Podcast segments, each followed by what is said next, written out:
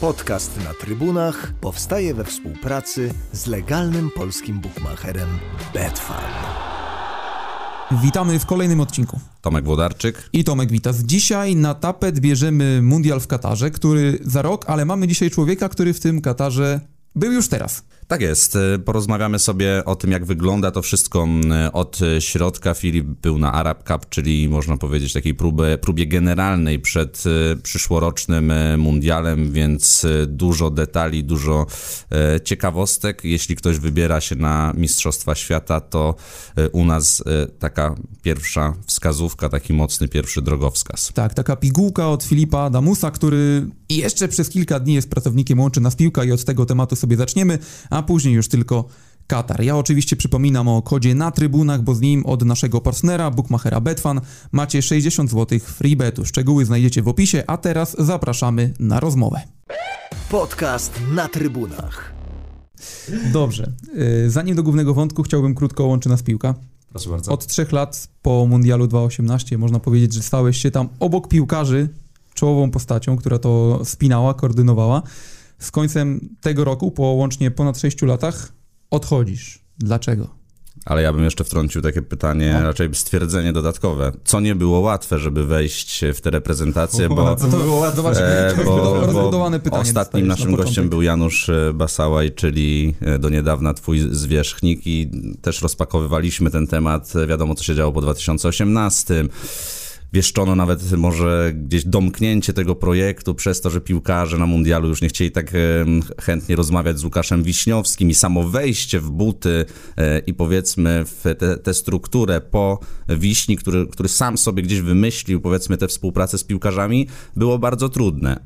A ty mimo wszystko dałeś radę i na szczęście, to też Janusz e, mówił, nie chciałeś wchodzić właśnie w jego buty dosłownie, a wymyśliłeś sobie jakieś inne, e, inne standardy, inne formaty, które się ostatecznie sprawdziły, jak chociażby, czego dowodem chociażby była ta rozmowa z Robertem Lewandowskim, bardzo długa, bardzo przyjemna, bardzo fajna, nie tak rozrywkowa powiedzmy, ale właśnie ten format e, mm, podcastowy się też bardzo sprawdził moim zdaniem.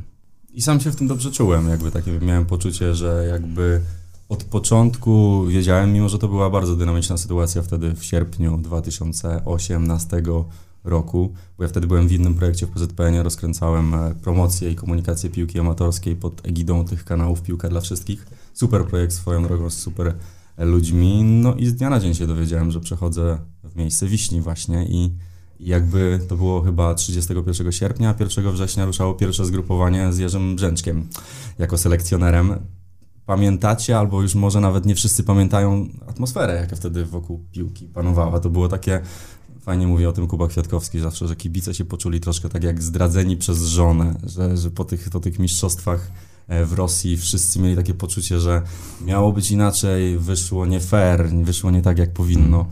E, no i wtedy ja sobie pamiętam, powiedziałem, dobra, jak, jak to ma wyjść, to trzeba to zrobić inaczej, po swojemu, po prostu tak jak, tak jak ja czuję, albo tak jak my czujemy w nowej ekipie w ekipie, którą znałem, bo pracowałem w PZPN, tak jak mówisz Tomek, od 2015 roku, na początku właśnie w Departamencie Komunikacji i Mediów przy Euro 2016, ale troszkę tak przy reprezentacji, nie w reprezentacji, więc jakby mniej więcej czułem, z czym się będę borykał. E, no ale to była jakby podstawa, żeby zrobić to przede wszystkim inaczej i może troszkę się schować za kamerę e, bardziej, jakby, że to, żeby to zaczęło być troszkę, żeby, żeby właśnie tak jak mówisz, Włodar, nie wchodzić w buty wiśni, bo zawsze kopia jest gorsza, czegokolwiek. E, pogadamy sobie o Katarze za chwilę, tam kopii jest dużo. Tak, nawet nie kopia, a no, z automatu jesteś porównywany. Nawet gdybyś coś może nawet robił tak lepiej, tak to. I tak, tak, byłem, tak, tak, ale tak. szybko gdzieś to się e, rozmazało, tak? I wtedy ten, e, ten cały okres, masz rację, był niefortunny, no bo piłkarze długo, ochoczo przed kamerą się pojawiali, po czym dostali w cymbał E, w Rosji i nagle z tych pokoi przestali wychodzić. Już w trakcie. Tak, już w trakcie i to była też, oprócz wyników oczywiście to podstawa, ale to była też pretensja gdzieś do reprezentantów Polski, że okej, okay, kiedy jest fajnie, to wy chętnie gdzieś tam się e, przed tą kamerą produkujecie, trochę reklamujecie też, a kiedy jest źle, no to wszyscy się chowacie jednak e, za Łukaszem Wiśniowskim, za selekcjonerem. Generalnie was nie ma. I to był problem, to było pytanie podstawowe, czy oni jeszcze będą chcieli pokiereszowani trochę też PR-owo, robić coś podobnego, może nie tego samego, ale podobnego. Ja wiedziałem, że nie będą chcieli, na pewno, że nie będą chcieli. Miałeś takie rozmowy na początku w ogóle, jak chcecie to robić? Mieliśmy bardzo mało czasu na to wtedy z hmm. chłopakami. Pamiętam, że siedliśmy sobie wtedy z Kubą Rejmoniakiem i Adrianem Dudą, żeby przegadać, jak to organizować i uznaliśmy, że dobrze, robimy to na spokojnie, szczególnie tą jesienią ligi, pierwszej Ligi Narodów. Bardziej kamera towarzyszy, robimy niecodzienne materiały, ale, ale rzadziej, żeby też jakby no wiecie, to się wszystko opiera na zaufaniu w 100%. E, jakby Wiśnia robił niesamowitą robotę przez te lata i kto był w jakiejkolwiek drużynie, wie, jakie to jest trudne tak mm. naprawdę i jakie trzeba mieć predyspozycje charakterologiczne, dziennikarskie i tak dalej, i tak dalej, żeby coś takiego dobrze robić. No i nagle w, z punktu widzenia dziennikarzy, którzy, dziennikarzy, piłkarzy, którzy, którzy ufali e, Łukaszowi, nagle wchodzą, wchodzą jacyś nowi goście, których oni kojarzą z innych czasów tej reprezentacji, ale nie wiadomo na ile można sobie pozwolić, więc wiedzieliśmy, że przede wszystkim trzeba to, e, to, to zaufanie zbudować. Jak już zaczęliśmy czuć, że to zaufanie się buduje, no to no to zaczęliśmy myśleć o tych codziennych materiałach, nie codziennych nawet. Właśnie, to też była zmiana, że nie robiliśmy tego codziennie, mm. tylko co, co drugi, trzeci dzień. Mm, to wynikało po pierwsze z tego, że no, że nie chcieliśmy sobie narzucać takiej presji, po drugie tych treści teraz no właśnie na to, YouTube jest mnóstwo. To właśnie no. też rozmawiałem z Adrianem Dudą, który tam za kamerą e, jest na zgrupowaniach i on mi mówił, że treści jest dużo, ale też nie ma tyle materiału nawet czasem z kadry, żeby to skleić w codziennego vloga. Zawsze by się coś pewnie znalazło. No, trochę na siłę na, nawet. No, to nawet też Wiśnia no. kiedyś mówił, że już musiał chodzić i gdzieś na siłę po prostu wyciągać jakieś rzeczy od No, więc reasumując, chcieliśmy to zrobić po prostu inaczej. Jeżeli mówicie, że wyszło, to super. E, ja mam takie poczucie, że przede wszystkim udało się zbudować bardzo fajny zespół u nas w departamencie, który zaczął nad tym wszystkim pracować, zarówno od strony wideo, jak i mediów społecznościowych, no bo to nie jest tylko Duda, Wiśnio, Duda Wiśniowski czy Duda Adamus i tak dalej, i tak dalej, tylko to są, to jest Michał, Natalia, Patryk, wcześniej Ada i Kuba w social mediach, to jest jeden Kuba, drugi Kuba, e, Piotrek, Adam, Ola i Krystian w dziale wideo. Mam nadzieję, że nikogo nie pominąłem, ale chyba nie. Więc, więc pracuje nad tym fajna ekipa i udało nam się zbudować taką naprawdę super atmosferę, co ja czułem teraz bardzo mocno na, na euro. Tym, tym w czerwcu tego roku, e, kiedy faktycznie dużo pracowaliśmy, ale mieliśmy poczucie, że lubimy ze sobą pracować i że robimy wszyscy naprawdę fajną robotę i się tym jaramy. I, i to było super takie podsumowanie. Serial Niekochani o to chciałem też zapytać, bo w opinii publicznej on pogłębił takie poczucie wśród kibiców, dziennikarzy, że trener Brzęczek zbudował wokół kadry wizerunek oblężonej twierdzy, że traktował po prostu jako pokrzywdzonych, niekochanych. I chciałem ciebie zapytać, bo no, ty stałeś za tym serialem. Ja wymyśliłem ten tytuł, tak no, naprawdę. No właśnie. Chciałem cię zapytać, czy zgadzasz się z tym jakby poczuciem oblężonej twierdzy, to jest jedna rzecz, i czy dzisiaj zrobiłbyś coś inaczej w kontekście tego serialu? To ja bym polecał go obejrzeć sobie na spokojnie teraz z perspektywy Bez emocji. Mhm. półtora roku, bo, bo wtedy faktycznie taka cała atmosfera wokół była ciężka e, i e, według mnie jakby często się koncentrowaliśmy oglądając ten serial, ten, ten trzyodcinkowy dokument na jakichś założeniach, które już mieliśmy w głowie, które wykreowały ten, wykreował ten moim zdaniem przewrotny tytuł, który miał troszkę wzbudzić emocje, oczywiście, o to chodzi, zainteresować, złapać widza, e, no ale pamiętajcie, że tam to nie było w nawiasie i zaznaczone innym kolorem. Mhm. Jakby przekaz tego, e, tak mi się wydaje, no zróbcie to sami i polecam naszym słuchaczom, żeby to sobie obejrzeli teraz na spokojnie, półtorej godzinki łącznie. E, tam płynie z tego taki przekaz, że oczywiście atmosfera wokół jest trudna, ale nawet Łukasz Fabiański o tym tam mówi, że no tak, no jest, jakby wszyscy od nas wymagają naszym zdaniem troszkę za dużo i cały czas jest taki, mm, taka negatywna atmosfera wokół, ale z drugiej strony my wychodzimy na Stadion Narodowy mhm. i się czujemy, jak nas wspierają wszyscy kibice.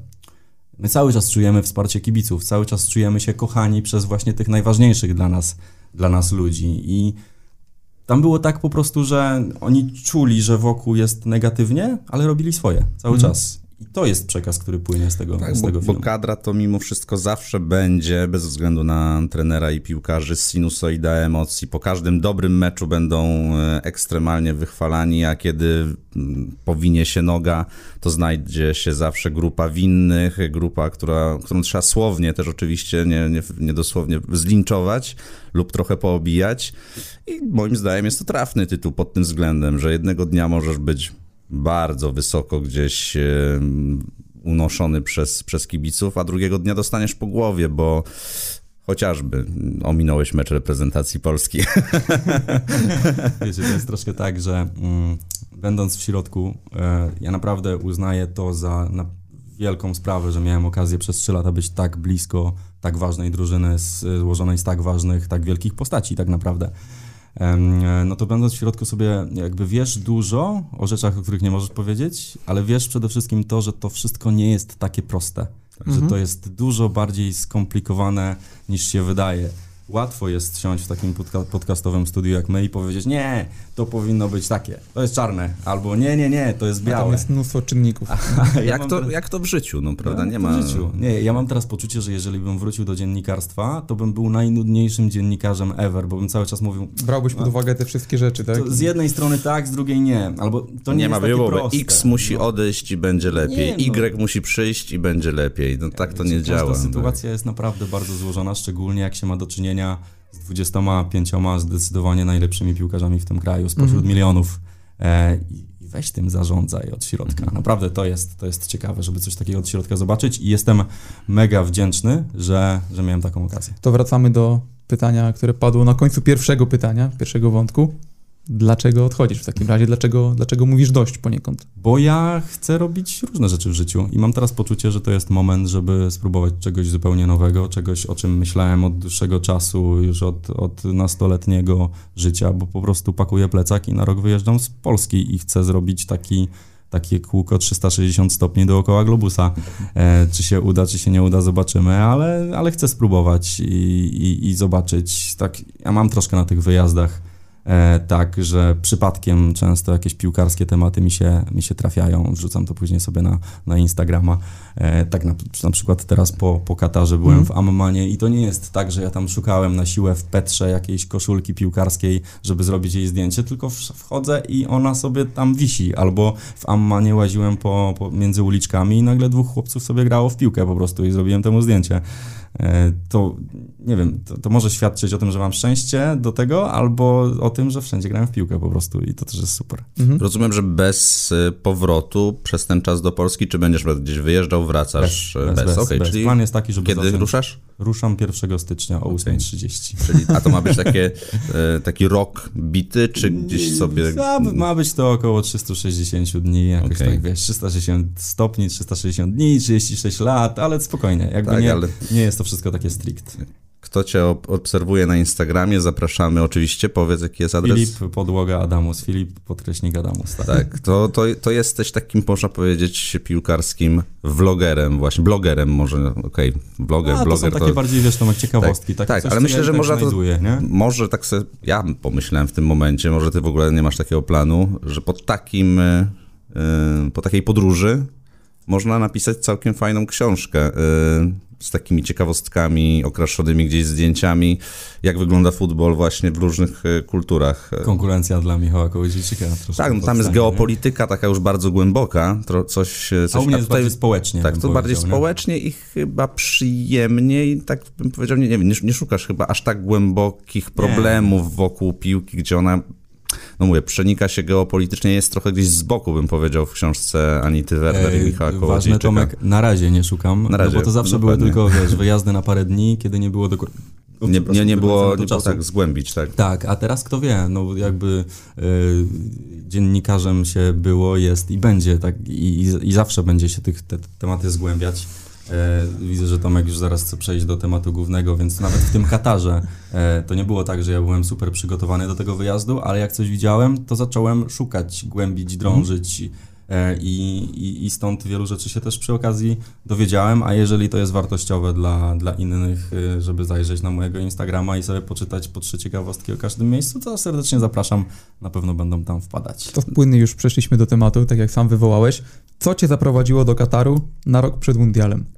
To, no że... bo nawet, nawet nie na rok, bo ja rozmawiamy w końcówce tak. grudnia, to będziemy już analizować po, finał mundialu. Dokładnie tak. No ale ty wyjechałeś teraz... na początku grudnia, tak? Zaraz po, tak. po gali Złotej yy, Piłki. Tak, dokładnie. Yy, co mnie zaprowadziło? Decyzja o tym, że odchodzę z PZPN-u. Jakby zdałem sobie sprawę, że najprawdopodobniej nie będzie mi dane za rok być na Mistrzostwach Świata i zobaczyć tych wszystkich miejsc, stadionów i e, i infrastruktury i atmosfery poczuć chociaż troszkę. A że kilku znajomych jest w tym momencie w Katarze i pracuje przy organizacji, czy to właśnie e, Arab Cup, czy zostaje na Mundial, no to skorzystałem z tej okazji i ich zaproszenia i zobaczyłem sobie, bo bardzo chciałem te osiem stadionów i te miejsca, na których za rok będą kibice z całego świata, miejmy nadzieję. Już Czym, gotowe? je, czym jest Arab Cup w ogóle? No, Arab Cup to, jest, to są Mistrzostwa Państw Arabskich. Mm, Występuje w nich 16 drużyn z 23 krajów arabskich, czyli krajów tych, w których się mówi w języku arabskim. Są to kraje z, zarówno z azjatyckiej, jak i afrykańskiej federacji. Nie jest to turniej jakiś mega cykliczny, bo poprzednia edycja to była dziesiąta, ale poprzednia była w 2012 roku. Teraz pierwszy raz zrobili to pod egidą, e, egidą FIFA. Wiadomo, że po to, żeby Próba przetestować generalna, tak. wszystko, przetestować, zobaczyć jak to wszystko działa. No i miejmy nadzieję, że na parę rzeczy zwrócili uwagę, bo, bo sam y, byłem już zaangażowany w kilka turniejów czy eventów piłkarskich od strony or- organizacyjnej. No i parę tam niedociągnięć jeszcze, Jeszcze jest. No właśnie chciałem zapytać, czy wszystko jest już gotowe, jeśli chodzi o stadiony, jakąś infrastrukturę miejską, czy to jeszcze jest plac budowy, jak się chodzi gdzieś tam po różnych Na miejscach? 8 stadionów, 7 już jest gotowych. Y, Ósmy, ten, na którym się mm, odbędzie finał, jeszcze nie. To jest stadion Lusail, ale to też dlatego, że to zbudowali całe miasto. No właśnie. budują całe miasto na 200 tysięcy ludzi. To jest tak na północ od Dochy. Nagle się wyjeżdża spośród tych wszystkich wieżowców. Jest ogromny naprawdę plac budowy. Tam mnie kierowca Ubera wysadził w pewnym momencie, bo tak sobie oznaczyłem na mapie, że Mhm, chcę mhm. tu, jak najbliżej stadionu. Też nie do końca sobie zdając sprawę z tego, jak to tam w tym momencie wygląda. No i on tak jakby niepewnie spoglądał na mnie, czy ja na pewno chcę wysiąść tutaj, ale tak, no chciałem zobaczyć ten stadion z bliska. E, zobaczyć też plac budowy, no bo to też jest e, jakby mocno kontrowersyjny Tak, temat. do tego dojdziemy to się- jeszcze, tak. e, jak to tam wygląda. Katar jest spektakularny, tak jak Dubaj, jak Abu Dhabi i to ma takie być, jakby ma robić wrażenie i jakby od początku trzeba sobie z tego zdawać sprawę, że to po to jest. Mhm. Te stadiony dlatego są takie kosmiczne, żeby robić wrażenie po prostu. No, wydano na nie 107 miliardów No dolarów, to jest po prostu coś kosmicznego. Ale tak. to, to czuć, bo ja tak wcześniej, zanim jeszcze tam pojechałem, troszkę się obawiałem, że tam będzie kicz, że to jest takie, wiecie, troszkę tak ładnie wygląda, ale tak naprawdę od strony jakościowej to jest fatalne, albo słabe, albo średnie, e, ale nie, to jest jakby stadion Tottenhamu razy, e, razy 7 powiedzmy, bo ósmy to jest stadion Kalifa, który już istnieje tam od lat 70., więc jest troszkę starszy, taki weteran wśród tych wszystkich stadionów, e, ich, ich narodowy od lat. E, No ale no wrażenie naprawdę to robi, ale od razu zanim mnie ktoś posądzi o wybieranie Kataru, powiem, że mam takie poczucie ambiwalencji Mm. po tym wyjeździe, bo to jest tak, że chodzisz sobie po tych nowoczesnych miejscach, po tych pięknych stadionach, wielkich, ogromnych, w środku pustyni i masz takie, ale po co to tu? Tak, Mm. po co? Jakby przecież to zaraz się skończy i co? I to będę, przecież na mecze waszej ligi chodzi po parę tysięcy ludzi, a macie stadion na 60 tysięcy. Ktoś napiął muskuły i chciał się po prostu e, pokazać. Od tego chyba nie da się No ale uciec. im dłużej o tym myślałem później, może to, to jest jakby dziwna refleksja, ale może na tym polega ludzkość, żeby robić rzeczy, które są Na pokaz, tak. na pokaz, jakby y, od strony racjonalnej bez sensu, bo czy wieża Eiffla ma sens? Czy ma? Nie Mm. wiem, czy, czy y, nie wiem, Licheń ma sens? No Albo Sagrada Familia byśmy się- budowana byśmy od się 100 obyli. lat. Tak, no, a to piramidy, jest często wiecie. wynik pokazania właśnie swojej lokalnej czy globalnej siły, w coś zaspokojenia coś ego, chcą, tak. Oczywiście, że tak. Też czytałem wywiad y, chyba na Polsacie Sport wczoraj mm, z 2019. Mm, Nie pamiętam dokładnie z kim, ale tematem był Katar. No i po prostu tam e, sz- szedł taki przekaz, że oni chcą się po prostu pokazać, że oni chcą zrobić reklamę. e, Ale temu, każdy kraj, który temu, temu państwu. No tak, tylko, no tylko Rosja była znana wcześniej Mhm, mhm. i jakby akurat my możemy też z wielu względów mieć negatywny y, wizerunek Rosji w, w swoich głowach. Natomiast Katar podobno wszystkie siły zgromadził właśnie na ten rok, na mundial, że to ma być reklama, po której wszystko stanie się inne. No dobra, ale czy Euro 2012 nie było dla nas czymś takim? Czy rzeczywiście potrzebowaliśmy stadionu w Poznaniu, Gdańsku na 40 tysięcy ludzi? Albo czy te wszystkie, jesteście przekonani, że wszystkie stadiony 20-15 tysięczne w Polsce są potrzebne w takiej skali? Myślę, że skala jest jednak inna. Tutaj, tutaj jest. y, Okej, pieniądz de facto pozwolił y, jakby dopiero nadrobić coś, czego nie tak. było, tak? Kompletnie stworzyć sobie mhm. mundial trochę jako zabawkę, której, której nie mieli prawa dostać wcześniej. Także naj, najpierw była myśl, e, później przekonanie, które właściwie już z, ze stuprocentową pewnością wiemy, że, że miało znamiona korupcji i, i, pokazało to wiele śledztw i nie tylko dziennikarskich, ale też wewnątrz FIFA, no bo właściwie połowa komitetu wykonawczego, który przyznawała tamten mundial już w FIFA nie, nie pracuje. To, to... Ja jeszcze przez 10 dni jestem pracownikiem PZPN, więc mogę tylko powiedzieć Pomidor. Pomidor, tak. E, więc kto, ktoś coś sobie wymyślił, że chce mieć taką, a nie inną zabawkę i postanowił ją stworzyć. Ale Ta zabawka prawdopodobnie będzie wyrzucona, ale do czego zmierzam? Będzie tak. wyrzucona na na śmietnik mogą sobie pozwolić, żeby to była tylko zabawka. Natomiast wydaje mi się, że Mistrzostwa Europy w Polsce i na Ukrainie pozwoliły jednak też nadrobić nam pewne braki infrastrukturalne i nie mówię tu o stadionach, bo myślę, że stadiony to jest punkt numer 5. My jednak pamiętajmy, jakie mieliśmy na przykład chociażby system dróg, no właśnie powiedzieć, dworce jest... kolejowe. No, tak, ja tak. mieszkam przy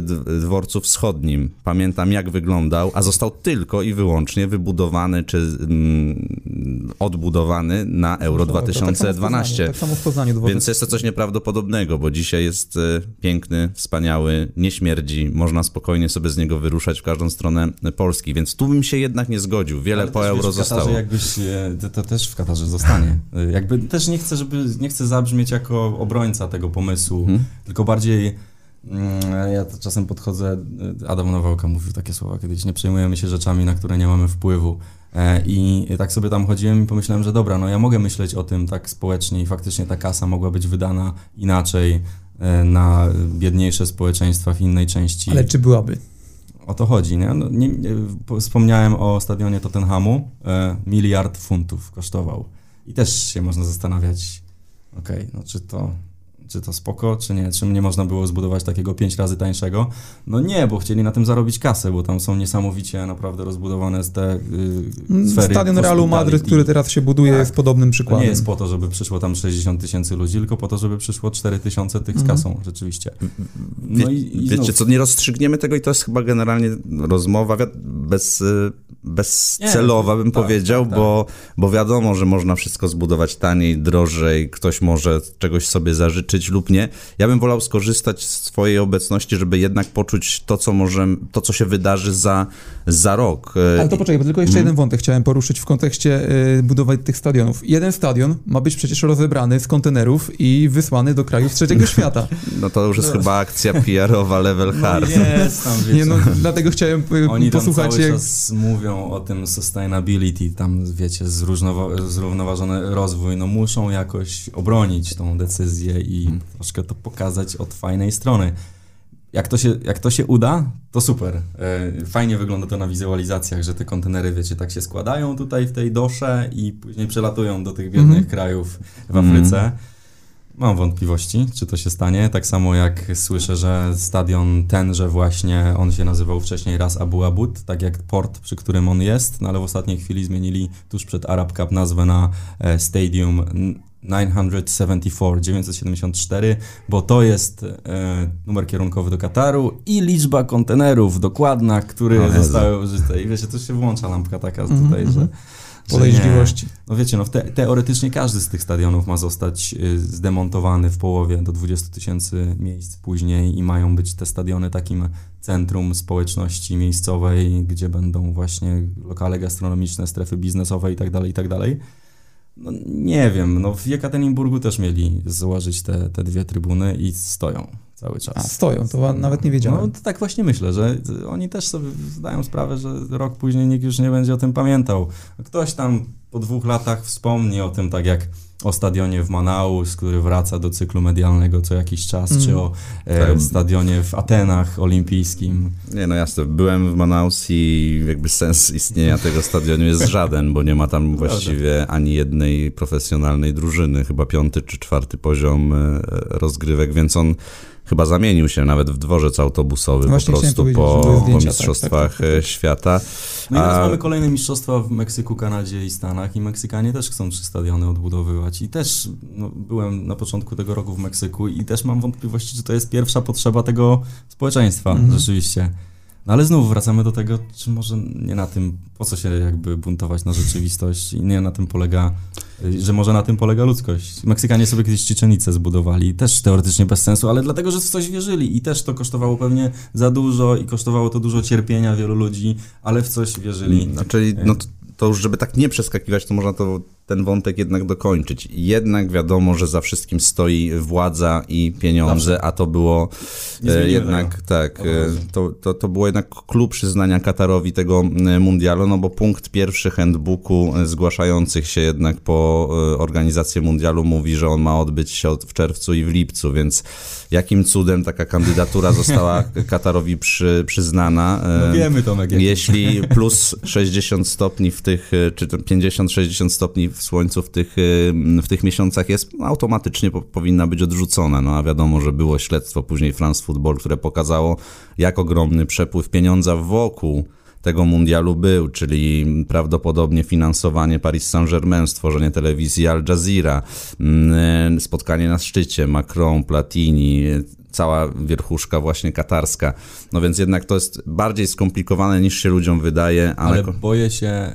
Y jakby to jest złe wszystko, mhm. bardzo, ale boję się, że to tak wygląda co dwa lata, co cztery lata. Oczywiście. Przy mundialach, przy euro co dwa lata też, tam jest dużo Niemcy, przecież zamieszane największe legendy futbolu, łącznie z Francem Beckenbauerem i przyznanie tegoż, tegoż mundialu. Myślę, że tak, no, jak, tak jak wspomniałeś, to jest gra tak. o kasę, gra o władzę, gra o naprawdę duże deale, na wielu, wielu, wielu poziomach polityczno-biznesowych. No i wtedy, wtedy jesteśmy my, kibice, którzy mają wybór, mogą się myśleć o tym, na co nie mają totalnie wpływu, albo i sobie odbierać troszkę przyjemności z oglądania tego, tego eventu, który może być naprawdę spektakularny, albo niestety tak pragmatycznie uznać, że no, no trudno, już, już nic nie zrobimy z tym, tak będzie, tak jest y, i, i tak było zawsze, więc po prostu jarajmy się e, turniejem, który może mieć duży potencjał, moim zdaniem, od strony takiej atmosfery kibicowskiej, bo to jest faktycznie, jakby nie patrzeć, pierwszy mundial, który się odbędzie w jednym mieście, de facto. Mhm. Oczywiście, no teoretycznie tam są administracyjnie to jest pięć jednostek miejskich, no ale tak naprawdę to jest wszystko osiągalne jedną No stadiony linią. mają być 35 km od siebie, Maksymalnie, tak? maksymalnie no i to jest osiągalne jedną linią metra tak naprawdę od jednego do drugiego, plus tam dojazd shuttlebusem e, przez parę kilometrów dalej. To po tym, co widziałem chociażby w Moskwie, 3 lata temu, dobrze liczę, 3,5 roku temu, gdzie Moskwa, tam były dwa stadiony, więc to był taki hub, gdzie ci kibice się kumulowali. I to było na Placu Czerwonym naprawdę niesamowite oglądać tych wszystkich kibiców właśnie z Meksyku, Kolumbii, e, Anglii, mm. Polski, mieszających się ze sobą. Atmosfera niesamowita. Tu się pojawia ale, ale nie wiem, czy tych ludzi będzie stać, żeby tam polecieć, bo jest już teraz bardzo duży w Katarze problem z bazą noclegową. Mm. Już się słyszy, że koszt jednej nocy w hotelu w Katarze to może być około 3000 zł. Mm. no i oni już prawdopodobnie kwota. niestety nie zdążą zbudować tego więcej. No a miały być zostawiane jakieś przenośne no, hotele. Oby. Na to trzeba rzeczy. liczyć, ale nadal to nie będzie kosztowało 200 zł, plus trzeba tam okay. dolecieć. Właśnie też miałem to pytanie gdzieś w głowie z tyłu, czy to będzie porównywalny wyjazd dla zwykłego kibica jak na Euro 2016 nie, do Francji, nie. jak na Mundial do Rosji. To, to nawet dla drużyn będzie mega drogie, bo rozmawiałem z ludźmi, którzy są tam zaangażowani zaangażowani w organizację i od jednej z federacji usłyszeli, że tydzień w Katarze kosztuje ich na turnieju tyle, ile cały pobyt w Rosji. To, mm. jest, to jest różnica i to też nie jest tak jak z UEFA. Futbol że... dla bogatych, no. No niestety. No pewnie to się na koniec dnia zwraca yy, i to nie jest też tak, że trzeba naprawdę... No, no tak. Ale dla kibica się nie dla zwraca. Dla kibica się nie to, zwraca no. i kibic ma kolejny powód tak. do tego, żeby się buntować. To tak, ale to będzie pierwszy mundial faktycznie, czy w ogóle turniej, w którym nawet nie kibic, patrzę nawet z dziennikarskiej strony, z dziennikarskiego punktu widzenia, możesz sobie odklikać mecze tego samego dnia i na nie wszystkie zdążyć, bo w tym systemie, e, który, który jest używany do właśnie bookingu meczów, zawsze miałeś zablokowane. Tak. Wiedziałeś, że mogłeś, na jeden, to mogłeś wybrać tylko dwa. jeden mecz dziennie, a dokładnie musiałeś de facto odpuścić też kolejny, kolejny dzień. Tutaj właściwie będziesz mógł e, krążyć po stadionach i, i robić wszystko na żywo, co jest jednak niesamowite. No ja tak robiłem teraz właśnie na Arab Cup. Byłem na przynajmniej dwóch, a nawet trzech meczach e, jednego dnia, bo to jest, to jest do zrobienia. Z dziennikarskiego punktu widzenia tam jest ciekawe też to, że centrum medialne będzie jedno w Dosze czy w Addausze, jak to woli, e, i wszystkie konferencje prasowe będą się odbywały tam. To hmm. drużyny będą przyjeżdżać do tego centrum, które jest totalnie kosmiczne, Convention Center. i to właśnie drużyny będą przyjeżdżać tam i, i tam będą chyba cztery sale konferencyjne, gdzie równolegle będą się toczyć. Ale też po meczach? Po me... Nie, to na stadionie, ale okay, takie przedmeczowe okay, konferencje. Okay. To na stadionie. Pewnie może Więc... będzie też jakaś większa, no nie wiem, aktywność medialna, bo często wokół mundialu tworzą się właśnie, wiem, że, że sponsorzy też robią sporo tych aktywności. Kto wie, czy w takim miejscu po Bardzo możliwe, nie będzie tworzone. z punktu widzenia drużyn też na pewno utrudnieniem będzie to, że tam nie ma takich centrum treningowych, baz pobytowych, jak, do jakich jesteśmy przyzwyczajeni, tylko to będą jednak takie wielkie hotele, wielkie wieżowce i trzeba będzie autokarem dojeżdżać na boiska treningowe boiska treningowe, które no, też robią wrażenie, jeżeli chodzi o murawy, bo zarówno właśnie na, na boiskach treningowych, jak i na stadionach, to, to te murawy są no, stół totalny. Mm. I, i, I tu wracam do tego sustainability, do tego zrównoważonego rozwoju, ekologii i tak dalej. I znów się włącza ta ambiwalencja, że kurczę, ile wy wody e, marnujecie na podlewanie tych trawników, nie tylko na stadionach, jest ale nawet w mieście. plantacja, w której hodują 35 rodzajów trawy specjalnie na ten mundial. Te stadiony faktycznie mają klimatyzację. To jest ciekawe, pod, pod każdym siedzeniem jest, są na, nawiewy. Mhm. Plus, jak ktoś zwróci uwagę może na skróty e, Arab Cup, e, wokół, wokół boiska też są takie wielkie dmuchawy. No i faktycznie można obniżyć temperaturę obiektu o 20 stopni. Wieje to po nogach mocno, mhm. teraz w tym okresie, Można się kiedy będzie turniej. E, no ale i, i, wtedy, wiecie, się zastanawiasz nad tą ekologią i to jakby nikt się mhm. tym akurat w tym aspekcie nie przejmuje. No a jak tam temperatura na co dzień? Da teraz, się tam funkcjonować? Tak, do, jeżeli to by było w czerwcu, nie, nie zapomnij. Mhm. Dlatego bez szans. Bez tu jest szans. okres porównywalny jeden do jednego. No, było bardzo ciepło, około 20 stopni, jest, jest tak dość duszno, ale jak to w tamtych krajach e, bywa, e, nie, to nie będzie uciążliwe. Może stojąc cały dzień w strefie kibica e, w centrum miasta to może być uciążliwe, ale nie, to jest taki optymalny, optymalny termin. To też swoją drogą ciekawe listopadzie. Tak, ale z reguły no, w wielu krajach było bardzo gorąco już w trakcie tak. mundialu. Jeżeli to jest 20 stopni wzwyż, no to nie ma, nie ma tragedii. W Rosji bo też było gorąco. Tak, wspomniane Manaus, pamiętam mecz y, Włochy-Anglia, chyba tam się odbywał. Y, było ponad 30, 35 stopni, 99% wilgotności, więc tam się wychodziło właściwie i już było po prysznicu. Mm -hmm. Tak, bo właściwie, no mówię, po, po minucie byłeś calutki mokry, więc tam no, było to, tu naprawdę... będą różnice temperatur, bo z klimatyzowanego stadionu wyjdziesz na, na ciepło. No, jest wiele ciekawych rozwiązań organizacyjnych, które wynikają, e, ciekawych w cudzysłowie oczywiście, które wynikają po pierwsze z jakby nikłego doświadczenia y, krajów arabskich w organizacji takich wielkich imprez, no bo tak naprawdę no, Katar zrobił Mistrzostwa Świata w piłce ręcznej i tyle do tej pory, a tutaj nagle się robi wielki, e, wielki event y, i widać, że to testują. Jest tam wiele wyzwań z tym związanych, y, na przykład wyzwanie mocno kulturowe, wynikające z tego, że przykład to jest stewardzi. Mm, no to to są zwykle pracownicy z Indii, Pakistanu, Bangladeszu i tak dalej. Stewardzi na stadionie, od nich mm -hmm. myślę. I oni na co dzień tym um, arabskim mieszkańcom, Katarczykom w abajach, w tych strojach arabskim, arabskich, na co dzień im otwierają drzwi do galerii, są najniżej w hierarchii społecznej. Zaraz też o tym sobie systemie kafala momencie, porozmawiamy. Tak, I w tym jest... momencie na stadionie ten steward, który na co dzień otwiera po prostu drzwi i jest uniżony przed takim Katarczykiem, musi mu powiedzieć, nie, nie, nie, ale pan ma miejsce nie tutaj. Okay. Mhm. Pan tam, mhm. albo to jest pierwsza kategoria, a pan kupił w czwartej. Musi im jednym słowem zwracać Stop. uwagę, na co nie ma prawa w Nie do zrobienia, tak. wiecie, z punktu widzenia e, postrzegania e, jakby mentalnego tych ludzi, to nie, to tam by trzeba ściągnąć hordę europejskich stewardów, którzy nie będą mieli problemu, żeby powiedzieć y, obywatelowi Kataru stop, nie, pan tutaj nie może, a tamci no, nie mogą. Na szczęście Katar nie musi się martwić o pieniądze na takich ludzi, więc może się to wydarzyć. No, ale gdzie oni zamieszkają wtedy? to, jest to, to, jest to, to jest ten problem. No i jest dużo takich rzeczy, y, które widać bardzo, widać, że tych pracowników jest tam ściągniętych za dużo po prostu. No, jak pamiętam, wyszedłem z pierwszego meczu Irak-Bahrain na stadionie Al-Tumama, też kosmicznym, jeżeli chodzi o wygląd, no bo tam fasada jego przypomina taką, taką typową arabską e, czapkę, która się nazywa gafija, to jest ta taka, która jest pod tą arafatką i faktycznie on to mm. przypomina. To jest niesamowite, że to nie mhm. jest takie, wiecie, kiczowate, że e, wizualizacja versus rzeczywistość, e, tylko, tylko faktycznie oni, oni z tym dali radę i I właśnie na, na stadiony net pojawił się tam nawet taki filmik, gdzie porównują, kilka dni temu, porównywane są wizualizacje do stadionów. Mhm. I wiecie, że zwykle jest tak, że o kurczę, no, coś nie pykło. Dworce w Polsce na A przykład. tutaj no, tak, jak, tak jak na Instagram versus rzeczywistość, tak, tak, a tu tak. jest Instagram versus Instagram. No tak, i z tego stadionu Altumama wychodziłem i, i, miałem jechać autobusem na, na, kolejny mecz na Education City, gdzie grał później Oman z Katarem, ale mi tam poradzili, że nie, to nie, nie jedź tutaj na autobus, tylko jest tam taki shuttle bus, który cię prowadzi do metra. Ale pytam się, czy daleko, czy no nie, no blisko tutaj zaraz. To też pojęcie blisko europejskie, a powiedzmy amerykańskie, czy takie arabskie, to jest zupełnie coś innego, bo wszędzie tam się jeździ samochodem oczywiście, więc dla nich to jest zupełnie inna sytuacja. A mówię, nie, tutaj w lewo, później w prawo i jesteś.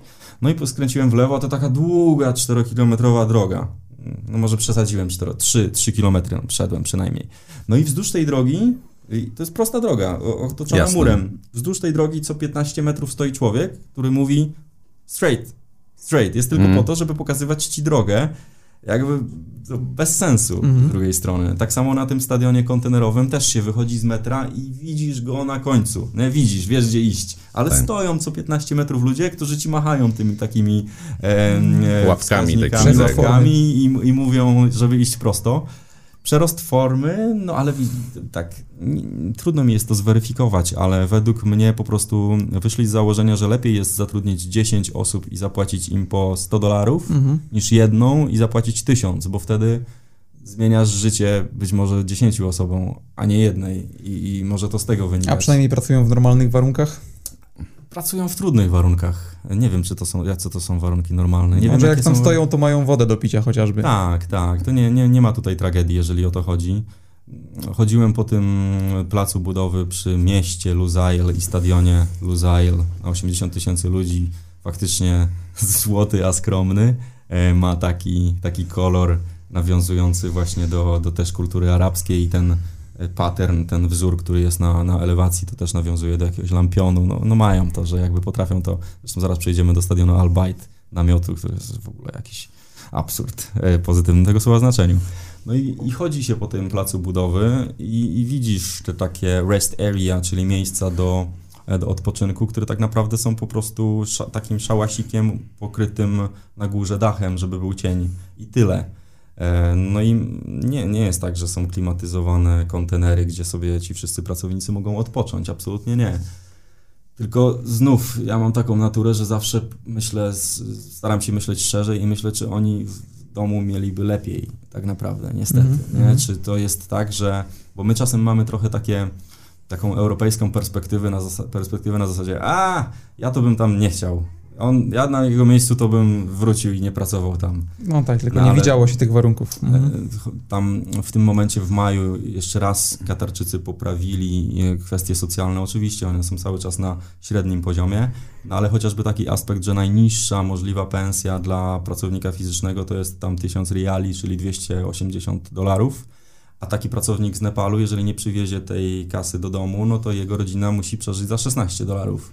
Mhm. I to kreuje w tobie takie, mm, taką refleksję. No tak, no bo jest tam, tak jak mówiłeś, że to jest Pakistan, Afganistan, Irak, no kraje, w których albo trwa, albo niedawno trwała wojna, albo żyją gdzieś na skraju ubóstwa, to, to, to pełna zgoda. Mimo wszystko jednak te liczby nie, nie kłamią, bo z jednej strony Katarczycy, tu myślę PR-owo, bardzo ładnie wygładzają sobie liczby, że w trakcie budowy e, mundialu zginęło 38 osób, a jednak Amnesty International po prostu mówi wprost, że Katar kłamie na podstawie liczb, których nie identyfikuje mm, jako mm, bezpośrednią przyczynę zgonu, bo podają jako zgon naturalny chociażby i to już jest wtedy rośnie do 8,5 tysiąca e, ludzi, a przyczyna zgonu naturalnego może być chociażby udar, tak? I, i, i wtedy ta liczba jest bardzo mocno, jak to się mówi, no, no, no, no rozmyta, no bo jeżeli ktoś spadł z rusztowania, no to jest bezpośrednia śmierć przy budowie stadionu w Katarze, a te liczby no jednak są zupełnie, zupełnie inne właśnie dlatego, że wrzucają do, do zgonów jako przyczyny naturalne naturalne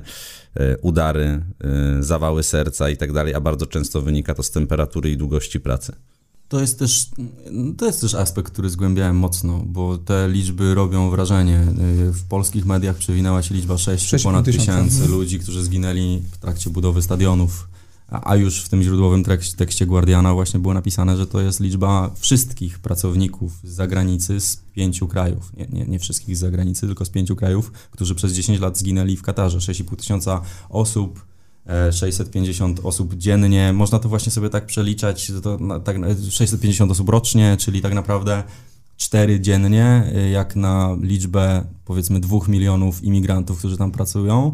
No, no jasne, to jest bardzo złe, że ktokolwiek y, umiera, ale taka główna liczba krzyczy bardzo mocno, ale jak sobie to już zaczniemy analizować głębiej, no to to nie jest dla mnie takie jednoznaczne, bo nawet w tym mm. raporcie Amnesty International pojawia się liczba 15 tysięcy pracowników z zagranicy. Problemem którzy... jest to, że Katar nie chce podawać danych. O to, o, o to też może chodzi. Tak oni pytają, a oni nie chcą podawać e, przyczyn danych. A może nie mają dokładnych... do końca wszystkich danych, bo wiecie, to, to też nie jest tak, że Katar zaczął się rozbudowywać od momentu, kiedy kiedy zaczęli, kiedy dostali Mistrzostwa Świata, bo to już tak naprawdę między 2005 a 2009 rokiem przez 4 lata wielkość tego miasta czy kraju wzrosła trzykrotnie, więc ten boom y, infrastrukturalny tam i tak był i tych pracowników potrzebowali bardzo, bardzo dużo y, zawsze. Mm, czy da się to wszystko skontrolować? Nie wiem. Y, widziałem te statystyki, wiem, że znowu zacznę brzmieć jak obrońca Kataru, ale E, ale chodzi mi o to, żeby spoglądać na wszystko z wielu stron, że to nie jest wszystko, znowu wracamy do tego, takie, takie mm. proste i jednoznaczne. Międzynarodowa Organizacja Pracy jest taka, taka agencja ONZ, y, czyli już nie wiem, jak, komu ufać, jak nie im w sumie, to wtedy, jeżeli ONZ kłamie, to, to już nikt, no to, no to oni potwierdzili, że w zeszłym roku e, zginęło w Katarze, w, jeżeli chodzi o e, wypadki związane z pracą 50 osób dokładnie, a taki mają współczynnik w cudzysłowie współczynnik śmierci versus 100 tysięcy ludzi, w Katarze to jest 1,7, a na przykład w Egipcie to jest 10, coś, a w Armenii 13,7. E, oczywiście zawsze się znajdzie gorszy przykład i to nie znaczy, że w Katarze jest wszystko super, ale też nie jest tak, że jest wszystko fatalnie i źle, bo też wracam do tego, że ja nie wiem, czy, czy ci pracownicy niestety by się by się zamienili, jakbyśmy im powiedzieli, że no to mm -hmm. zamykamy to wszystko i wracajcie do domu. Tak, no. Na pewno by woleli pracować przy budowie ja White Hart Lane, ale nikt ich tam nie chciał. Niestety, problem, niestety no? obawiam się, że każdą statystyką można pożonglować w taki sposób, że ona zostanie... Nie ma większego kłamstwa niż statystyka. Nie? Dokładnie, że ona może zostać dopasowana do każdej narracji, jednak sam fakt, że istnieje coś takiego jak system kafala, czyli zależności od, system, tak. od sponsora, kiedy trafiasz do danego kraju, no to jest właściwie właściwie też wiele raportów to wskazało, to, to nie jest jakiś nasz wymysł, że, że jest to współczesny system niewolnictwa, że ten sponsor lub twój pracodawca zyskuje na tobą no właściwie pełnię władzy. Też zaczęto dopiero w, w tym roku, kiedy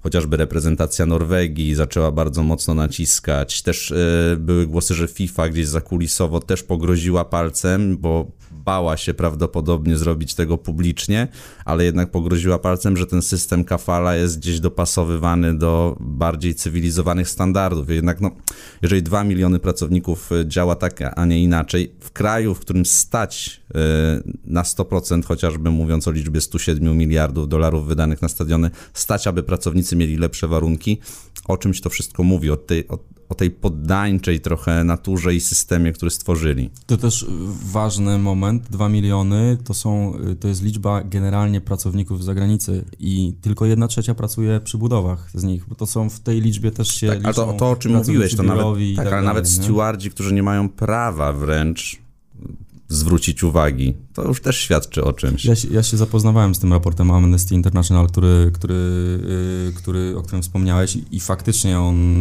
yy, jest bulwersujący w wielu tematach, właśnie w, głównie w kwestii tego, że do wielu danych nie jesteśmy w stanie dotrzeć. Hmm. Ale ja z drugiej strony też mam problem troszkę z tym, że Amnesty International yy, jakby promuje go jako raport o tym, jak się buduje w fatalnych warunkach stadiony na mistrzostwa w Katarze, to krzyczy PR-owo, a później tam są pokazywane sześć case'ów e, sześciu osób z różnych tych krajów, właśnie Bangladeszu, Indii i tak dalej, którzy zginęli, których rodziny nie mają informacji. Z tym, że jeden to jest pracownik ochrony na lotnisku, drugi to jest kierowca ciężarówki, który jeździł e, między, chyba przy budowie metra, a trzeci pracownik na pustyni, który jakieś przy, przy rurach pracował tam. Więc też y, jest takie troszkę podciąganie problemów, które istnieją w tamtej części świata pod mundial, a mam też poczucie, o czym wspomniałeś Tomek przed chwilą, że można może na to spojrzeć z pozytywnej strony, że dzięki temu mundialowi tam się dużo zmienia na lepsze w tej kwestii. Według mnie to nie jest tak, że gdyby nie mundial, to by Katar się nie rozbudowywał. Tylko po cichu ci ludzie by tam pracowali naprawdę w złych Nikt warunkach. by nie patrzył zupełnie Nikt już im na ręce, bo nie, po prostu by nas to nie interesowało. Dokładnie, a, ym, a to jest tak, że, że Katar rósł wcześniej i będzie rósł pewnie, pewnie dalej. Mundial jest dla nich promocją, ale już się słyszy, nie wiem, jeszcze chyba nie jest potwierdzone, że teraz w styczniu zorganizują Puchar Narodów, na- Narodów Afryki. Śmialiśmy się ostatnio na Twitterze, że w Katarze mogą być różne, różne mecze barażowe kraj, krajów z różnych części świata. Bo newsem pewnym jest, że, że UEFA i CONMEBOL tworzą tę Ligę Narodów, która ma w jakiej formie tego nie wiemy jeszcze, ale e, jak taki puchar konfederacyjny ze sobą od 2024 roku rozgrywać. Też pytanie, czy to powstanie, a nie jest jedynie batem na pomysły FIFA a propos dw- mundialu co, co dwa lata. Tu też znowu polityka piłkarska bardzo mocno wchodzi, ale to, co powiedziałeś, czy wspomniałeś na Twitterze, absolutnie nie byłoby żadnego zdziwienia. Tur, turniej finałowy No w dodatku oddajemy Katarowi. Hiszpanii też się rozgrywa chyba w Arabii Arabii Saudyjskiej, tak? Saudyjskiej. Więc Ja myślę, że Katar też klubowe. może być jeszcze nie w tym roku, ale w przyszłym destynacją dla europe- europejskich klubów na przygotowania Mhm. e, zimowe. Teraz wszyscy praktycznie z Polski jeżdżą do Turcji. Jest jeden rodzynek. Jest jeden rodzynek. Dubaj. Legia. Tak. No właśnie. A skoro Legia 17 leci- klubów leci do Turcji. No, Niesamowite. No, ale miałem okazję nawet rozmawiać na ten temat y, w sobo, nie, w zeszłym tygodniu, w środę na meczu Rakowa z Michałem Świerczewskim i wspomniałem mu o tym właśnie, bo tam są naprawdę świetne warunki do tego, y, szczególnie jeżeli chodzi o murawy, ale Michał powiedział, że no tak, ale nie ma sparring, sparring partnerów na razie.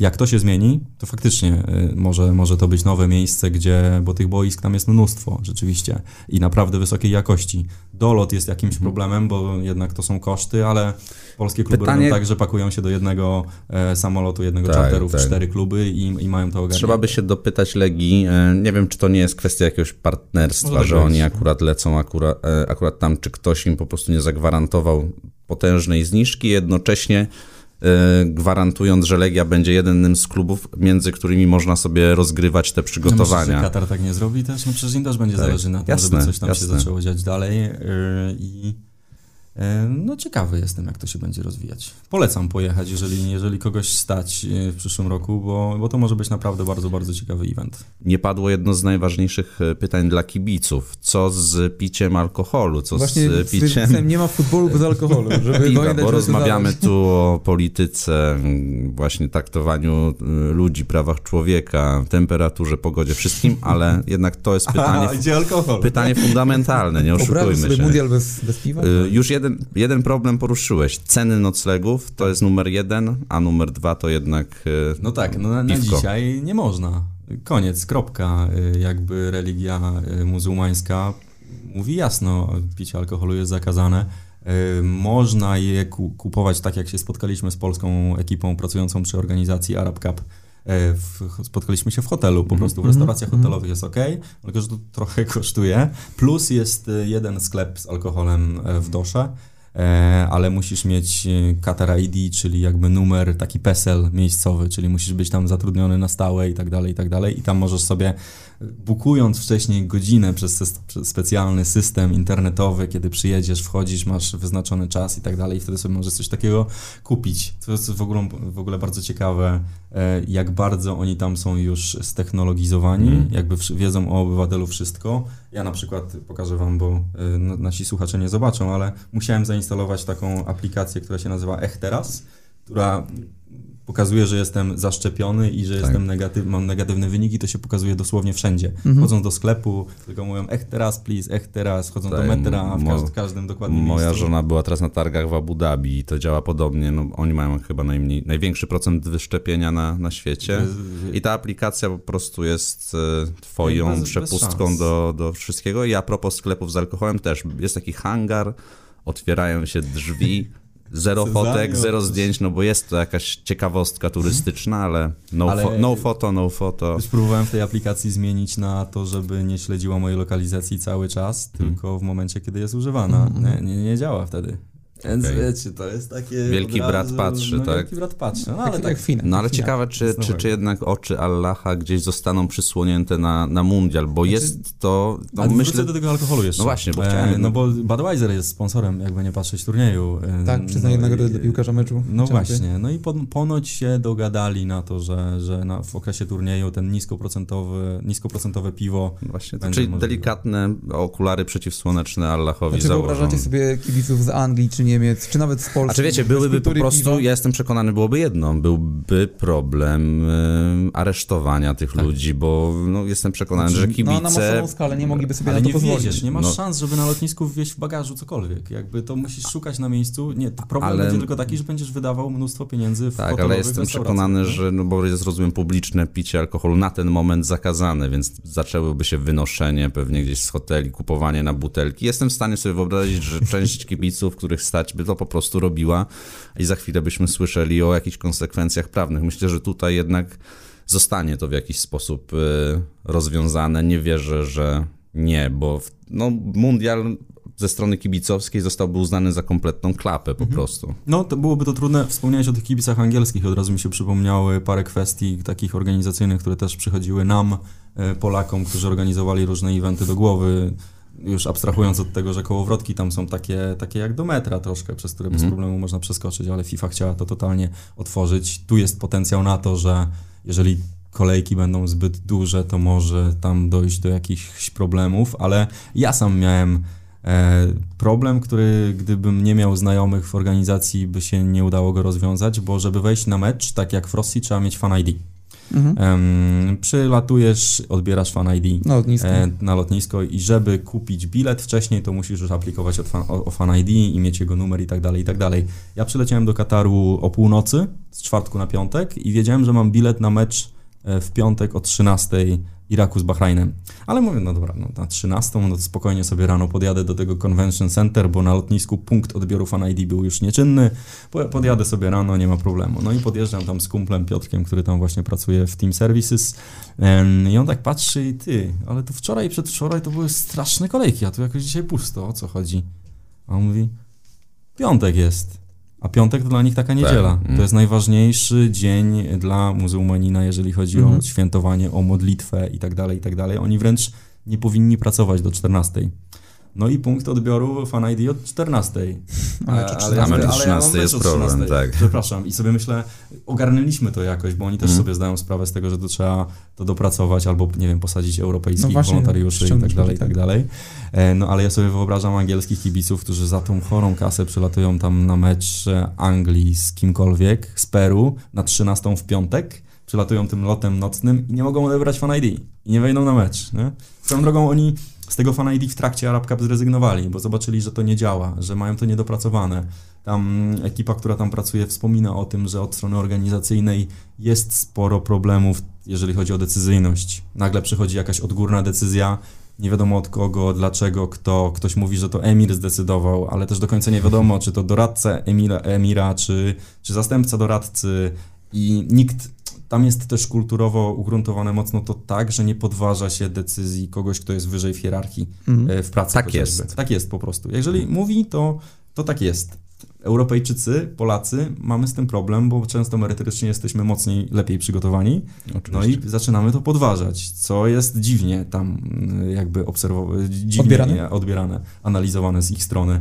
Więc tu jest też duży, duża zagwostka, bo powstaje wiele decyzji, które są z punktu widzenia ludzi, którzy mają doświadczenie bez sensu, no ale tak trzeba zrobić. Może być rozkładanie rąk y, na miejscu i po prostu no, taka kolizja kulturowo, y, religijna też myślę bardzo, bardzo mocno, bo to tak. co mówisz, będziesz chciał rozwiązać coś, co może normalnie potrwać 5 minut, tak. a okaże się problemem do przeskoczenia ze strony kibica, dziennikarza, nie wiem, jakiegoś organizatora, wolontariusza i tak dalej. No, ja, ja, myślę, że FIFA też specjalnie teraz organizację Arab Cup oddała w bardzo dużej mierze Katarczykom miejscowym, żeby zobaczyć, jak to działa i zobaczyli, że to nie działa.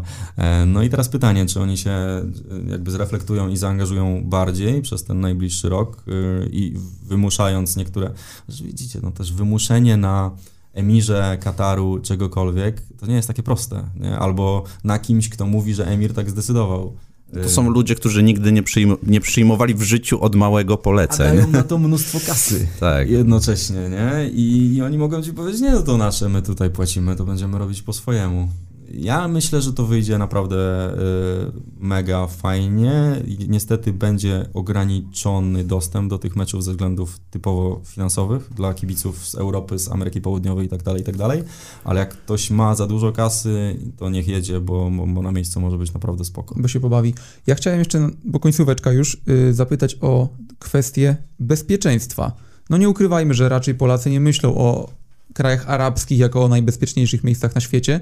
Czy ty czułeś się bezpiecznie? Nawet w Jordanii, w której byłem później, a jest to taki bardziej naturalny kraj arabski, nie czułem się mm, zagrożony w jakiś sposób. W Katarze absolutnie nie, no tam za kradzież telefonu idziesz do więzienia. I Mhm. są takie, takie przypadki, znajomi mówili o, o tam kumplu przyjaciela, który po prostu ukradł telefon i siedzi w więzieniu w Katarze. Mm. E, więc jak sami Polacy czy polscy kibice nie będą mieli pomysłu na to, żeby coś kombinować, Mhm. to nie, nie, absolutnie ani przez moment nie czułem się tam w jakiś sposób zagrożony. Masz tam takie poczucie, że wszystko jest takie mega, mega nowe i mega dobrze ułożone i faktycznie różnego rodzaju ochrony stewardów stoi wszędzie bardzo, bardzo, e, bardzo dużo. Widać, że mają bardzo duży respekt do miejscowej policji. Jest tam zresztą policji kilka różnych rodzajów. Jedna z nich jest, też, tak, tak, tak. Jedna z nich jest bardzo, e, bardzo ostra i się tego też zupełnie nie podważa, jeżeli taki, taki policjant coś mówi. Także tego aspektu bym się nie bał. Spodziewałbym się po prostu zobaczenia spektakularnego miejsca, które jest w całości nowe. Nowe oprócz tego miejsca, gdzie jest ten ich narodowy stadion Kalifa, który powstał dawno i był parę razy przerabiany. Oni go traktują jako taką swoją, swoje miejsce, swój narodowy, gdzie zawsze grała reprezentacja Kataru. Tuż obok niego jest coś takiego jak Aspire Academy. To jest też bardzo ciekawy projekt, który, który oni stworzyli w 2004 roku, czyli już 17 lat temu. Emir ówczesny, bo to nie ten co teraz, tylko jego ojciec zdał sobie sprawę, że jeżeli mają w sportach jakichkolwiek odnosić sukcesy, no to muszą stworzyć takie miejsce i system, gdzie, gdzie coś, coś takiego e, będziemy trenować i kształtować. No i to robi niesamowite wrażenie, bo to jest największa wielofunkcyjna hala sportowa na świecie. Tam są wewnątrz dwa boiska, jedno pełnowymiarowe piłkarskie, drugie lekkoatletyczne, plus jeszcze chyba sześć boisk dookoła do koszykówki i piłki ręcznej, jeden taki stadionik mały do piłki ręcznej, to jest wszystko pod jednym dachem. Tak, tak, Niemożliwe. Obok powstał jeszcze taki Football Lab, gdzie mocno pracują właśnie nad kwestiami analitycznymi w piłce nożnej, no bo bardzo mocno liczą na to, że ten przyszłoroczny turniej będzie też piłkarskim sukcesem. Tak, nagoni, nagonili mnóstwo trenerów y, z krajów, y, które mają pojęcie o tych sportach No, wszystkich, ale jednak, taką jednak to tak, bardzo. to tak łatwo No, nie, nie działa. widać, Przekonali się o tym Chińczycy, tak, tak, tak. Katarczycy i tak dalej. Wiesz, To, na igrzyskach już były tam w Londynie dwa medale, później e, w Rio y, też był chyba już srebrny, a teraz już były dwa złote, więc robią postępy powoli. Spytałem specjalnie, e, oprowadzał nas po tym Aspire Academy e, koordynator tego, tego projektu i pytam, jak, e, ja- ja- jakie wy macie nadzieje na ten przyszłoroczny turniej, jeżeli chodzi o e, osiągnięcie reprezentacji? No on mówi, że wyjście z grupy to minimum. No, Może- to może być trudno. Ale tak liczymy na ćwierćfinał. I tak sobie patrzę na to, bo, bo wiecie, że oni byli takim wirtualnym e, częścią grupy A europejskich eliminacji tej grupy z Mhm, Portugalią, mhm, e, Serbią i Irlandią. Po prostu w momentach to była pięciozespołowa grupa i w momentach, kiedy jedna z tych drużyn pauzowała, to grała mecz towarzyski, towarzyski z Katarem. tak, tak. No i tak jak mm, jeszcze zremisowali z Luksemburgiem czy Azerbejdżanem, to z Irlandią 0-4, y, z Serbią 0-3, z Portugalią 0-4. No nie wiem. Zdobyli teraz trzecie miejsce na tym swoim Może- może i w sobotę. więc Transfer mark nie jest y, wymierny w tym przypadku, ale sprawdziłem sobie z ciekawości i porównałem do zespołów ekstraklasy ich wartość rynkową. No i Lechia Gdańsk jest odpowiednikiem, bo Aha. to jest 17 milionów euro y, tej wartości wszystkich piłkarzy z całej kadry. No to nie jest to jednak zbyt silny Oby zespół. nie było tak jak w Korei i Japonii, że będą, Będą pchani. będą pchani na siłę, ale, ale myślę, że nie. E, głośny temat Szymona Marciniaka. Tak, który miałem tym... zapytać, że tutaj już tak. mieliśmy jeden sędziowski e, skandalik. Ale, ale, oglądałem ten mecz wtedy i faktycznie tam przerw było mnóstwo. Mm. I to nawet już w tym doliczonym czasie gry też jedni... To było 19 tak, minut doliczonych? Ostatecznie 19, ale to razem e, z analizą mm. VAR Tomka Kwiatkowskiego, razem z wszystkimi tymi przerwami na kontuzję, przeciąganiem zmian i tak dalej, i tak dalej. Chyba nawet Rafał Rostkowski wyliczył to, widziałem na TVP Sport.pl i mu wyszło, że powinien doliczyć Szymon 18 minut 50 parę sekund, coś tego typu. Więc to miało, miało teoretycznie sens, no ale od, od razu otwiera y, pole do spekulacji. No tak, bo jest po prostu rzadkością, tak, tak. i od razu oczy się otwierają, wiadomo. Ciekawie naprawdę być na takim stadionie, gdzie, gdzie są właśnie ci, ci mężczyźni w dżalebijach, czy kobiety w hijabach. E, widać, że oni jeszcze troszkę inaczej rozumieją piłkę nożną. Na przykład wyłapanie dośrodkowania przez bramkarza powoduje ogromny aplauz. Tak. My mamy tak, ale co, złapał po prostu, ale mm. dla nich to jest takie, wiecie, efektowne. Nie rozumieją tego do końca.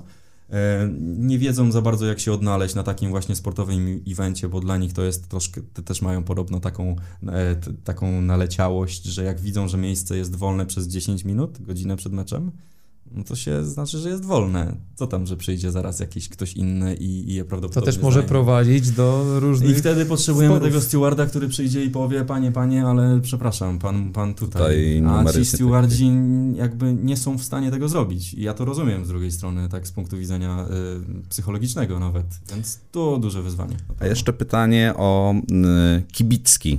Jak hmm. mogą się tam czuć podczas y, mundialu? E, nie, nie obawiałbym się tego. To, to, to, troszkę jest stereotyp taki, że jak, szczególnie ktoś z Europy, jeżeli tam przyjedzie, żeby się mógł jakoś czuć zagrożony i czy, czy, nie wiem, to jest kwestia religijna, indywidualna z tamtej strony. Było wiele y, kobiet, na, szczególnie na meczu ostatnim, na którym byłem na tym stadionie namiocie, Al-Bayt. Niesamowite. Po prostu postawili stadion, który faktycznie wygląda jak beduiński namiot mm. i nawet tak jak beduini sobie palili ognisko przed stadionem, mm. to mhm. tutaj z jednej i z drugiej strony płonie wielkie ognisko. I wchodzisz tam do środka i widzisz, że jesteś w namiocie. I faktycznie przykryli stadion, który jest oczywiście na takiej budowie y, betonowej, ale nakryli go namiotem, takim kwadratowym, też na planie kwadratów. Też w ogóle... No i, i to też jak to wygląda w środku, no robi naprawdę duże wrażenie, bo to wszystko jest blisko te stroje arabskie też robią, e, robią robotę, jakby zwracają uwagę.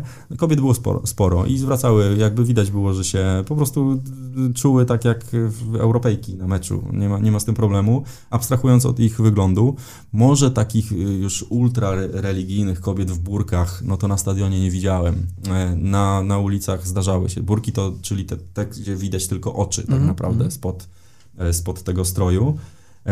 Ale jarały się, kibicowały. Chciałem być w pewnym momencie, to ciekawe, e, jakby takim turystą e, Januszem i zrobić zdjęcie dziewczynom, które takie bardzo trzy, trzy ładne dziewczyny e, właśnie w hijabach były za mną, za nami sobie siedziały i odwróciłem się, żeby im zrobić zdjęcie i wszystkie się zasłoniły od razu. Mm, okay. Od razu. I jakby nawet jak e, udawałem, że robię, wiecie, panoramę całości, no to w momencie, kiedy przejeżdżałem koło nich, to one od razu mm. zasłaniały twarz. Mm. Jest to według mnie, e, znaczy można znowu mówić, że, że a, nie powinno tak być, ale dla nich to jest całkowicie naturalne. No i tego się już nie, no tego to już się chyba nie da zmienić, bo to jest wjazd na właśnie re, religię, tak? tak? Nie może tak. pokazywać no, tylko się podczas też mundialu, mężczyźnie. gdzie będzie wielokulturowość, to też może być ciekawe, jak sobie europejscy kibice poradzą z tą nietykalnością w innym wymiarze, powiedziałbym tak, no bo Kojarzymy to raczej tak, że jest grupa kibiców angielskich, irlandzkich gdzieś na placu. Podbiega nagle. Podbiega, takiej, obejmują tak. cię, krzyczą i tak dalej. No.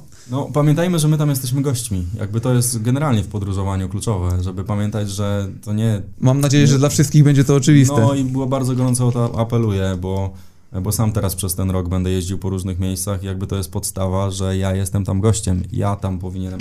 Dostosować. Nie, nie, nie muszę wszystkiego rozumieć. Mhm. Powinienem spróbować, ale ale finalnie muszę zaakceptować to, że oni tam tak mają, że nie, nie ma jakiegoś jednego, że u nas jest normalnie, a u nich jest nie, nienormalnie. Nie? No, słowo normalne jest zupełnie inaczej interpretowane w każdym miejscu na świecie i jakby... Ostatnia kwestia ode mnie. Y, COVID. Światowa Organizacja Zdrowia podaje, że chciałaby, żeby kolejny rok był ostatnim z pandemią. No wiadomo, jak to Trzymamy może kciuki. być. Yy, poziom chociażby procent wyszczepienia w Polsce mówi sam za siebie, czy liczba zgonów z tego powodu w porównaniu nawet do zgonów w Katarze, to już w ogóle inna kwestia. Natomiast jak wygląda to tam teraz yy, pod względem właśnie COVID-u i Mhm. tych wszystkich obostrzeń, które tam są lub ich nie ma?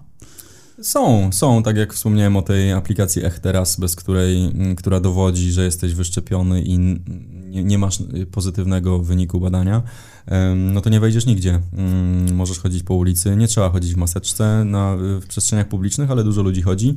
Jeżeli się wchodzi do, do jakichś przestrzeni zamkniętych, to już maseczka jest obowiązkowa, ale myślę, że to jest też coś, do czego jesteśmy nawet już tutaj przyzwyczajeni Mm, totalnie. E, Nie czułem tam absolutnie, żeby było jakoś mocniej mm, więcej tych obostrzeń albo mniej niż u nas, oprócz tego, że faktycznie szczepienie będzie wymagane e, po prostu e, i sam, sam test nie wystarczy. A teraz podczas tego Arab Cup, jak wyglądały, może wiesz, konferencje z trenerami, piłkarzami, wywiady? Nie wiem. Przyznam, że nie wiem. Okej, nie bo wiem, też, nie, też ciekawe, jak było na Euro teraz. Podszedłem te, specjalnie do tego y, eventu nie jako dziennikarz, tylko jako kibic, Mhm. żeby zobaczyć właśnie taki, taki fan experience. E, Więc nie akredytowałem się tam od strony dziennikarskiej, tylko chciałem sobie po prostu połazić po stadionie. I tutaj widzę dużo wyzwań cały czas. No ale mają jeszcze rok na to, żeby to poprawić, a wydaje mi się, że parę tych eventów jeszcze w międzyczasie zorganizują. Dziękujemy bardzo. Filip Adamus. Jeszcze łączy nas piłka, za chwilę podróżnik, bloger. Zobaczymy, jak to się wszystko Wpadajcie rozwinie. E, Wpada, wpadajcie, zapraszamy na Instagram e, Filipa, no i szerokości bezpiecznej podróży i, i bezpiecznego powrotu Dziękuję na koniec bardzo. do, do kraju. Dziękuję bardzo za rozmowę. Dziękujemy. Podcast na trybunach powstaje we współpracy z legalnym polskim bukmacherem Betfair.